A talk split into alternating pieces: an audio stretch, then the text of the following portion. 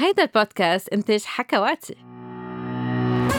مرحبا مرحبا لجميع المستمعين بحلقة جديدة من حكي صريح مع دكتور ساندرين عبر حكواتي. واليوم رح نحكي عن تصنع النشوة لدى النساء وليش بعض النساء بيعملوا حالهم إنهم انبسطوا أثناء العلاقة الجنسية. بتعترف 47% من النساء إنه بيتصنعوا النشوة أم اللذة أثناء العلاقة الجنسية.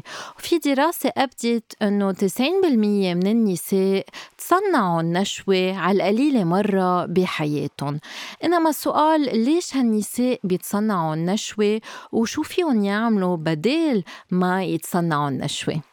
أبدت الدراسات أنه معظم النساء بيتصنعوا النشوة كرمال يعززوا إيجو الشريك.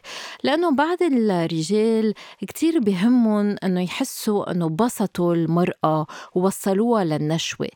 إنما إذا الواحد قدر يصارح ويقول للتاني أنت الملحق عليك أنا اليوم مش قادرة أوصل للنشوة أم أنا عندي طريقة معينة تأوصل للنشوة؟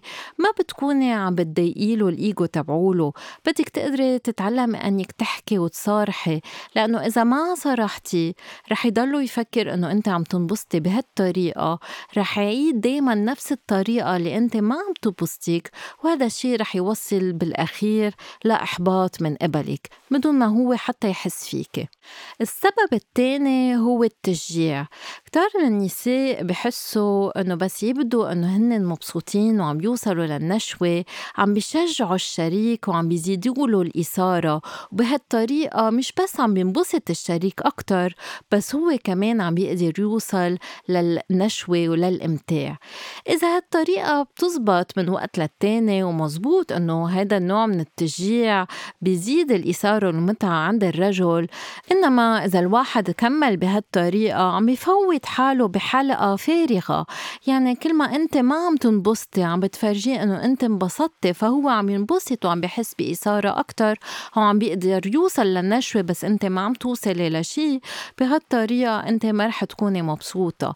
إنما أنت ممكن أنك تشجعيه بغير طريقة.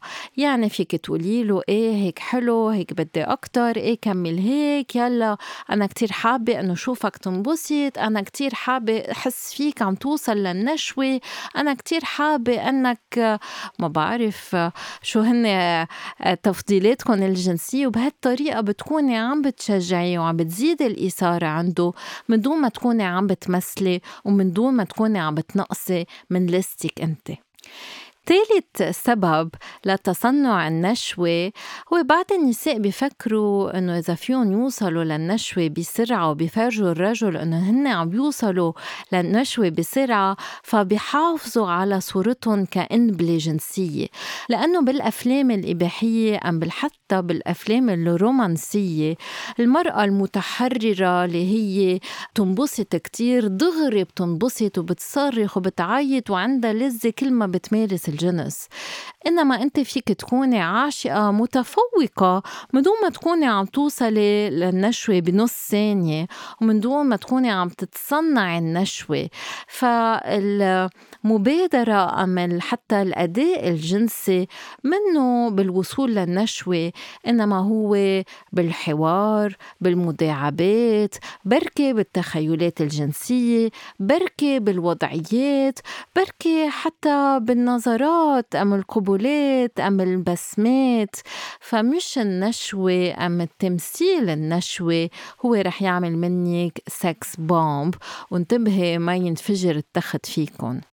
وسبب آخر لتصنع النشوة هو كرمال يقدروا يصيروا الإعجاب لأنه بيفكروا إذا عن جد عم يتجاوبوا مثل ما لازم يتجاوبوا عم بيشدوا الشريك أكتر لإلهم وهو رح يتعلق فيهم أكتر لأنه رح يحس حاله إنه عن جد عم بيعطيهم لذة وعم بيبسطهم.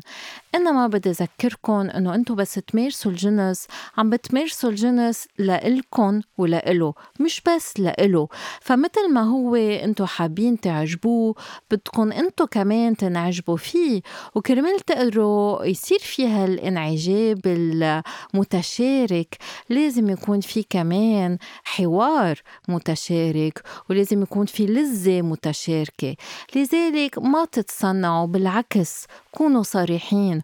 كل ما رح تكونوا صريحين كل ما رح تقدروا تعجبوا الشريك أكتر لأنه رح يحب الشخص الحقيقي اللي فيكن مش الممثل أم الممثلة البارعة.